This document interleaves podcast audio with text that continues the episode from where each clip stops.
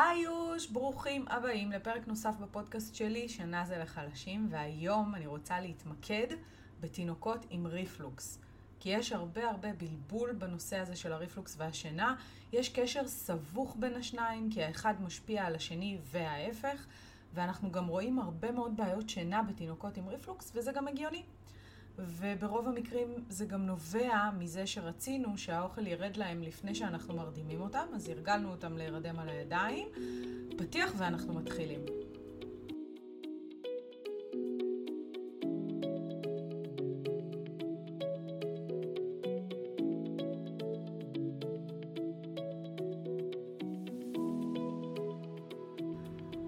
אז נתחיל בלהגיד שבפרק הזה אין ייעוץ רפואי וכל מי שיש לו שאלות לגבי הריפלוקס כן או לא של התינוק שלו או שלה, צריכים להתייעץ עם רופא הילדים, כי שם זה המקום הנכון לקבל ייעוץ רפואי. עכשיו בואו נסביר רגע מה זה ריפלוקס. ריפלוקס בהגדרתו זה מצב שבו תוכן הקיבה החומצי עולה חזרה לוושת במקום להמשיך בדרכו למטה אל מעמקי מערכת העיכול.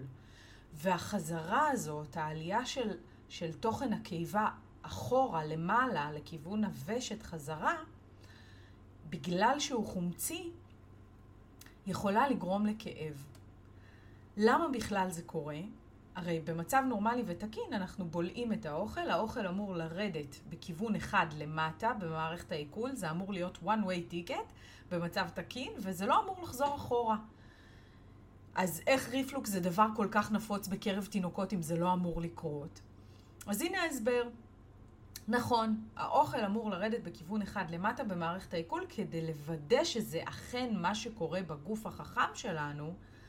יש ספינקטרים. ספינקטר זה שריר קטן בעברית, והוא נקרא סוגר. אה, שהתפקיד שלו, זאת אומרת בעברית הוא נקרא סוגר, לא ספינקטר. הספינקטר עשוי משריר אה, טבעתי, והתפקיד שלו זה להיות סוגר. יש לנו הרבה סוגרים לאורך מערכת העיכול בכל מיני מקומות, והתפקיד שלהם הוא בדיוק זה, לוודא שה... אה, שאחרי שהאוכל עובר מתחנה אחת לתחנה השנייה, במקרה שלנו זה מהוושת, מצינור הבליעה, אל תוך הקיבה, הספינקטר הזה, הסוגר הזה אמור להיסגר הרמטית, ואז אוכל לא יכול לחזור חזרה מהקיבה לכיוון הוושת. גם אם נעמוד על הראש, אם הספינקטר הזה עובד כמו שצריך, לא אמור לחזור אוכל אחורה. אבל אם הספינקטר הזה, הסוגר הזה, יהיה חלש, או לא מספיק מפותח כשריר, והוא לא ייסגר חזק ובאופן הרמטי עד הסוף, אז אנחנו נראה את תוכן הקיבה מצליח לחזור אחורה במעלה הוושת. ובהרבה תינוקות, השריר הזה של הסוגר אכן לא, לא מפותח ולא חזק מספיק, ואז אנחנו יכולים לראות ריפלוקס, אוקיי? במילים אחרות, ריפלוקס זה תהליך פיזיולוגי ונורמלי בתינוקות, כי השריר הזה עדיין לא מפותח מספיק, ולכן גם השכיחות שלו היא מאוד גבוהה. ברוב המוחלט של המקרים, ריפלוקס לא מהווה סיבה לדאגה, ואני רוצה שתזכרו את זה שוב, זה מצב פיזיולוגי ותקין בתינוקות. וככל שהתינוק יגדל, אתם גם מבינים מזה שהחומרה של הריפלוקס תלך ותפחת, ואתם תרגישו הקלה משמעותית בדרך כלל סביב גיל תשעה חודשים, הרבה פעמים גם לפני הגיל הזה. כי השריר הזה פשוט הולך ומתחזק באופן טבעי. אז מה הסימנים של ריפלוקס? איך בעצם נזהה אותו? אז אה, יש אה, שתי, אה, שני מונחים שגורים, אני אקרא להם, ריפלוקס סמוי וריפלוקס גלוי. ריפלוקס סמוי זה בעצם ריפלוקס שלא מביא סימנים אה, מובהקים, חד משמעיים, כמו כאב מאוד חד, אה, או הקאות, אה, אלא רק אה, פליטות כאלה בקטנה, או אי נוחות. שמודגשת אה, בעיקר אחרי אוכל. זה הסמוי, והגלוי הוא ממש אה, תסמינים מובהקים, כי ההבחנה היא הבחנה קלינית בעצם. ההבחנה היא הבחנה שנעשית לפי הסימנים שההורה מספר לרופא. אה, ברוב המקרים, כן? שוב, אנחנו מדברים על סיטואציה די נפוצה. אז בשיעור הזה אנחנו בעיקר מדברים על ריפלוקס גלוי. למרות שאתם יכולים לקחת מפה גם את הכלים ולהשליך אותם על ריפלוקס אה, סמוי, אבל, בעיקר על ריפלוקס אה, גלוי. אה, איך נזהה? מהם הסימנים? מה נראה על התינוק שלנו. אז אנחנו נראה בכי ואי שקט מאוד ממושכים, אבל שהם צמודים לארוחה, הם קורים בדרך כלל לאחר ההאכלה. אנחנו יכולים לראות הקשתה של ראש התינוק לאחור, יחד עם כל הגב אחורה, ככה הם בעצם כאילו מעריכים את הוושת ואת צינור הבליעה במטרה להקל על הכאב שלהם. זה יכול גם להגיע אחרי כמה לגימות, לא חייבים אחרי כל הארוחה. אה, ולפעמים אנחנו נראה פליטה, או אפילו הכאה. אה, אנחנו יכולים לראות גם שיעול או הפרעה לנשימה, שלא קשורים למחלה, כן? בהיעדר מחלה אנחנו רואים לראות, יכולים לראות שיעול על התינוק שלנו, או איזושהי ממש הפרעה לנש... לנשימה, קושי נשימתי, ואפילו, אפילו במקרים חמורים, סירוב לאכול. אלה כל הסימנים, הם כמובן לא חייבים להופיע ביחד, זה תלוי בחומרת המחלה, אבל אלה כל הסימנים, הם יכולים להופיע כל אחד בנפרד, והם יכולים להגיע כמכלול.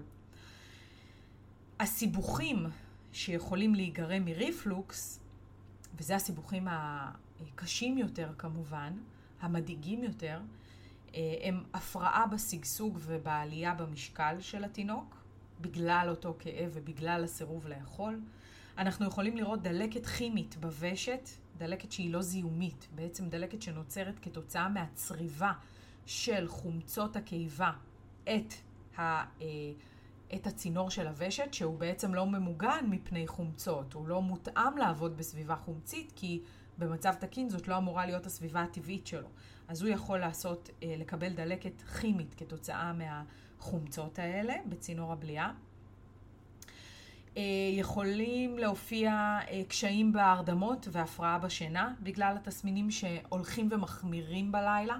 הריפלוקס בלילה בדרך כלל הולך ומחמיר בגלל השינויים הפיזיולוגיים הרגילים של הגברה בהפרשת החומצה בלילה וירידה בכמות הרוק שבדרך כלל סותרת את החומצה ובכמות בליעת הרוק שסותרת את החומצה. אז יש לנו גם ככה מלכתחילה עוד נתונים להחמרת הריפלוקס בלילה לקראת השינה, ולכן זה גם צמוד לקשיים בהירדמות. זה הולך ביחד עם קשיים בהירדמות. אמ, למה בכל זאת ריפלוקס ככלל הוא לא סיבה לדאגה? שוב, כי תופעה הזאת, אה, תופעת הריפלוקס הזאת היא מאוד מאוד שכיחה, מעל מחצית מהתינוקות פולטים, מקיאים, מראים תסמינים של ריפלוקס. ברוב המקרים יקראו לזה ריפלוקס סמוי. אה, זה גם הגיוני, כי שוב, רוב התינוקות נולדים עם הסוגר הזה שבין הוושת לקיבה, כשהוא עדיין לא בשל ולא חזק מספיק, זה בסדר, הם תינוקות. ככל שהתינוק שלנו יגדל, הסוגר הזה יתחזק ותסמיני הריפלוקס יפסיקו, וזה החדשות הטובות. לא כל התינוקות יצטרכו טיפול.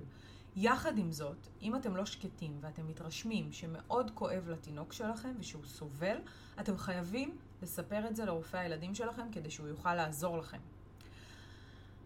מתי ריפלוקס צריך בעצם להדאיג אותנו? אז כמו שאמרתי מקודם, כשאנחנו רואים שהכאב של התינוק משמעותי, כשהתינוק לא עולה במשקל כמו שמצופה ממנו שיעלה בגילו, כשהוא מסרב לאכול, כשהריפלוקס משפיע על הנשימה של התינוק, או כשאנחנו חלילה מזהים נוכחות של דם בצואה כתוצאה מהדלקת שנוצרה בוושת, אה, אלה הסימנים שצריכים להדאיג אותנו. זה כמובן לא אנחנו בהכרח נעלה על זה, זה מאוד יכול להיות שהרופא שלנו יעלה על זה, ולכן חשובה התקשורת מול הרופא. אם הרופא יבחן ריפלוקס שגורם לתינוק לכאב, ברוב המקרים אה, אלה יהיו ההמלצות שלו.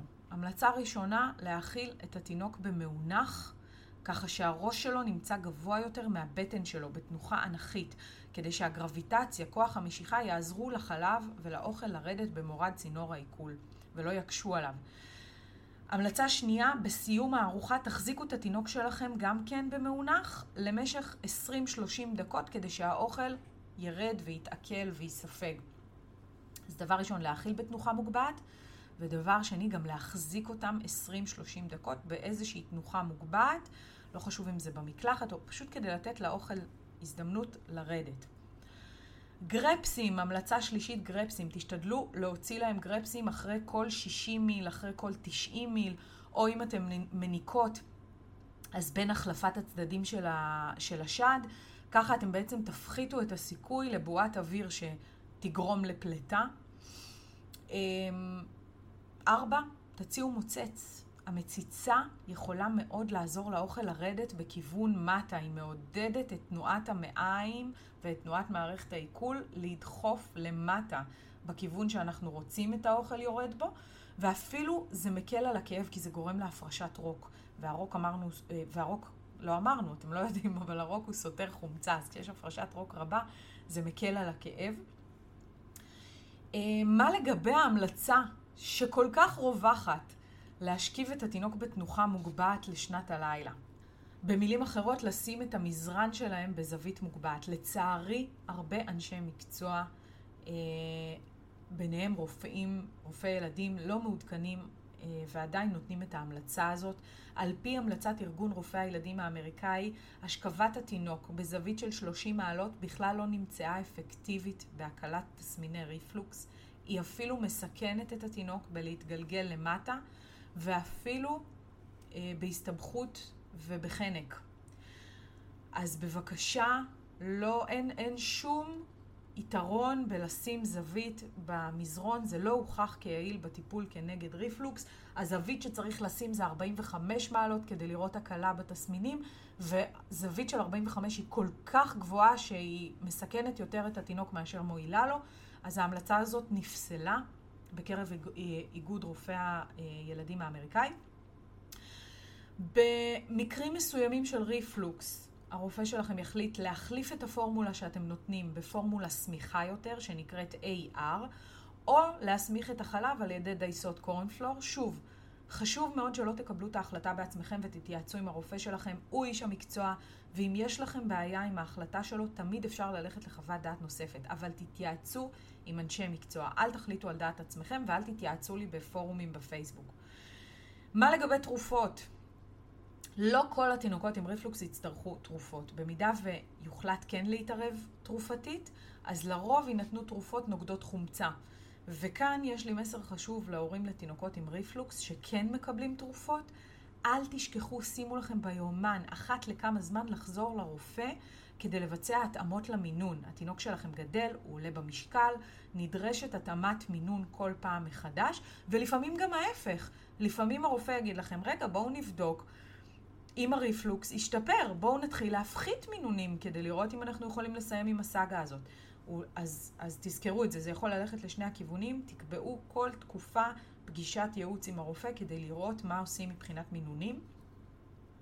כי שוב, אל תשכחו, ככל שהתינוק גדל, באופן טבעי גם הריפלוקס ישתפר. אז חשוב מאוד לחזור לרופא לביקורת לפי התדירות שקבעתם איתו, ולא להזניח את זה, לא לחשוב שזה לא חשוב. אז למה בעיות שינה שכיחות בתינוקות עם ריפלוקס? הסיבה נעוצה בזה שאנחנו בעצם מחזיקים את התינוק שלנו לאחר האוכל, כי זה חלק מההמלצות לתינוקות עם ריפלוקס, אנחנו צריכים להחזיק אותם אחרי האוכל במנח אה, מוגבע או במאונח. והבעיה מתחילה כשהתינוק שלנו בעצם נרדם תוך כדי שאנחנו מחזיקים אותו על הידיים, כדי שהאוכל ירד. וכשזו הופכת להיות דרך ההרדמה היחידה והבלעדית, אנחנו רואים את בעיות השינה מתחילות להחמיר ומתחילות לצוץ ולא, ו- ומתחילים פתאום התעוררויות בלילה, ואז אנחנו בטוחים שאם הם יתעוררו אז הם בטח רעבים, ואנחנו מגדילים את כמויות האוכל בלילה, ואני מזכירה לכם, מדובר בתינוק עם ריפלוקס, אז הגברת כמויות האוכל בלילה רק מחמירה את התסמינים של הריפלוקס. וככה זה גלגל שלג כזה, כדור שלג שהולך ומחמיר, ואנחנו אה, פשוט מגבירים את התסמינים של הריפלוקס בתוך הלילה. ו- ואז יש גם יותר התעוררויות, כי יש יותר אי נוחות בבטן בגלל האוכל שהעמסנו. בקיצור, אתם מבינים לאן אני חותרת. איך אנחנו נמנע את השתלשלות האירועים הזאת? אנחנו ננסה למנוע את ההירדמות הזאת על הידיים. איך נצליח? תסובבו את התינוק שלכם כשאתם מחזיקים אותו אחרי האוכל, תסובבו אותו ככה שהפנים שלו יהיו מופנות כלפי חוץ, כלפי הסביבה ולא כלפיכם, כדי שהוא לא ישים לכם ראש על הכתף וירדם. תראו לו את הסביבה, תגרו אותו, תהיו מעניינים. אתם יכולים גם לסובב אותו אליכם על, ה, על הברכיים כזה, שהברכיים אה, הם, הם בזווית אה, גבוהה. אתם יכולים לשחק איתו במשחקים, להסתכל לו בעיניים ולשחק איתו במשחקים ולדבר איתו ולהעסיק אותו. ועוד טיפ שיש לי לתת לכם זה שלפני שנת הלילה תאכילו את התינוק שלכם לפני המקלחת. וכאן בואו נשבור רגע מיתוס, כי יש מחשבה מאוד רווחת, שאני נשבעת שאני לא מצליחה להתחקות אחר המקור שלה, אבל כמו כל מיתוס, צריך לדבר עליו. אז המחשבה הזאת אומרת שאסור לקלח תינוק אחרי האוכל, נכון? אני בטוחה שחלקכם כזה מהנהנים בראש ושמעתם את המשפט הזה, שאסור לקלח אותו מיד אחרי האוכל, כי מחשש שהוא יפלוט ושזה יעשה לו בלגן בבטן. אז אני בדקתי את זה, אין לזה שום אחיזה מחקרית למיתוס הזה, זה סתם מיתוס. דווקא במקלחת, באופן שלא משתמע לשתי פנים, התינוק שלכם בהכרח מוחזק בתנוחה מוגבעת, נכון? אחרת חלילה הוא היה בסכנת תביעה. אז בכל מקרה במקלחת הוא בתנוחה שבה הקיבה שלו, אה, סליחה, הפה שלו, הוושט שלו יותר גבוהים מהקיבה שלו, בכל מקרה. אז, אה, אז לנשום עמוק זה סתם מיתוס, בואו נשבור אותו, אפשר לקלח תינוק אחרי האוכל, זה לא גורם להחמרה בתסמיני הריפלוקס, או בכלל, גם לתינוק בלי ריפלוקס זה מומלץ. אה, מטבע הדברים, במקלחת התינוק שלנו מוחזק באופן נכון ותואם לריפלוקס, וזה משרת היטב את המטרה של להפריד את התלות הזאת של הרדמות תוך כדי האכלה. אם אני אאכיל את התינוק שלי ואז אקלח אותו, הוא חייב להיות ערני בזמן המקלחת, הנה שברתי את הקשר הזה שבין האכלה לבין ההרדמות. ולמה אה, זה חשוב? כי הקשר הזה בעצם אם הוא קיים, אם התינוק שלי נרדם תוך כדי האכלה, או נרדם תוך כדי שהוא על הידיים שלי, זה יביא ויזמן עוד ועוד התעוררויות בלילה, כי הוא לא נרדם עצמאית, הוא לא נרדם בעצמו, ואז פתאום כשהוא מתעורר באמצע הלילה במיטה שלו וסוקר את הסביבה שלו, ומבין שהסביבה שלו השתנתה, הוא מהר מהר קורא לי שאני אבוא ואתן לו את אותם תנאים שאיתם הוא נרדם בתחילת הלילה. אז אם זה היה ידיים, זה יהיה עוד פעם ידיים, ואם זה היה תוך כדי בקבוק או תוך כדי האכלה, זה יהיה עוד פעם תוך כדי בקבוק או תוך כדי האכלה. בקיצור, הבנתם למה אני רוצה להפריד את האוכל מההירדמות ואת הידיים מההירדמות. יחד עם זאת, אוקיי? אז זאת המטרה שלנו, להפריד את התלות הזאת שנוצרה אה, של הירדמות תוך כדי האכלה, אבל יחד עם זאת אני לא רוצה שתתחרפנו לי עכשיו ותעבדו בזה. תינוקות קטנים, קחו הכל בפרופורציה, תינוקות קטנים, אני מדברת על newborn עד גיל ארבעה חודשים, זה צפוי שהם ירדמו בזמן שאנחנו מחזיקים אותם על הידיים אחרי האוכל, בסדר? לא צריך להילחם בזה. זה צפוי, אין מה לעשות. זה כנראה מה שיקרה. אז, אז אל תתחרפנו לי ואל תיבהלו, קחו את הכל בפרופורציה ובמינון שאתם מסוגלים ושנכון לכם. אם אתם מתכננים להיכנס לאוטו לטובת נסיעה, אז תשתדלו להאכיל חצי שעה לפני הכניסה למושב בטיחות, כי הישיבה בכיסא פשוט מפעילה, בגלל שהיא מקפלת קצת את התינוק, יכולה להפעיל לחץ על הבטן ובעצם אה, לגרום לתסמיני ריפלוקס להיות מוחמרים בזמן הנסיעה. בסדר? אז זה הטיפ הנוסף שלי אליכם. אם אתם מתכננים לנסוע, תנסו להאכיל את התינוק שלכם חצי שעה לפני הנסיעה, כדי שהאוכל יספיק לרדת ולהיספק, או שתחליטו שאתם מאכילים אחרי שאתם מגיעים ליעד שלכם, אה, ולא בצמוד ל, לישיבה הזאת שמקפלת אותם ומפעילה לחץ על הבטן. אם יש לכם תינוק בכל גיל, החל מ newborn, שסובל מריפלוקס וגם מקשיי שינה ומהרדמות ארוכות או מהרבה התעוררויות לאוכל בלילה או מתנומות יום קצרות, אני רוצה שתדעו שכל ההדרכות שלי ותוכניות הליווי שלי מותאמות גם לתינוקות עם ריפלוקס. אני ממש נותנת עליהם את ההתאמות ואת הדגש. הם ייתנו לכם את הכלים לתת לתינוק שלכם שינה טובה יותר, על אף ולמרות הריפלוקס. כי גם תינוקות עם ריפלוקס צריכים וראויים לישון טוב בלילה. אז כמה מילים לסיכום על תינוקות עם ריפלוקס. אנחנו נעשה הכל כדי להקל על הכאב שנגרם לתינוקות שלנו מהריפלוקס, וזה בסדר. זה בדיוק מה שאנחנו כהורים אמורים לעשות. גם אם המחיר הוא להרגיל אותם להרגלי שינה שישבשו את השינה שלהם. בסדר? הנה שמנו את זה על השולחן. אין מה לעשות. אנחנו קודם כל נדאג שלא יכאב להם. אנחנו לא היינו עושים דברים אחרת. אבל... אני כן רוצה שתדעו שבכל שלב שאתם חושבים שהתינוק שלכם מתקשה לישון בלילה, גם עם ריפלוקס אפשר וצריך לעזור לו. רק תטפלו קודם בריפלוקס ותוודאו שלתינוק שלכם לא כואב. אז זה היה הפרק על הריפלוקס, שאני מקבלת עליו כל כך הרבה שאלות. אני מקווה שעשיתי לכם סדר בדברים, ואנחנו נתראה בפרק הבא. ביי יוש!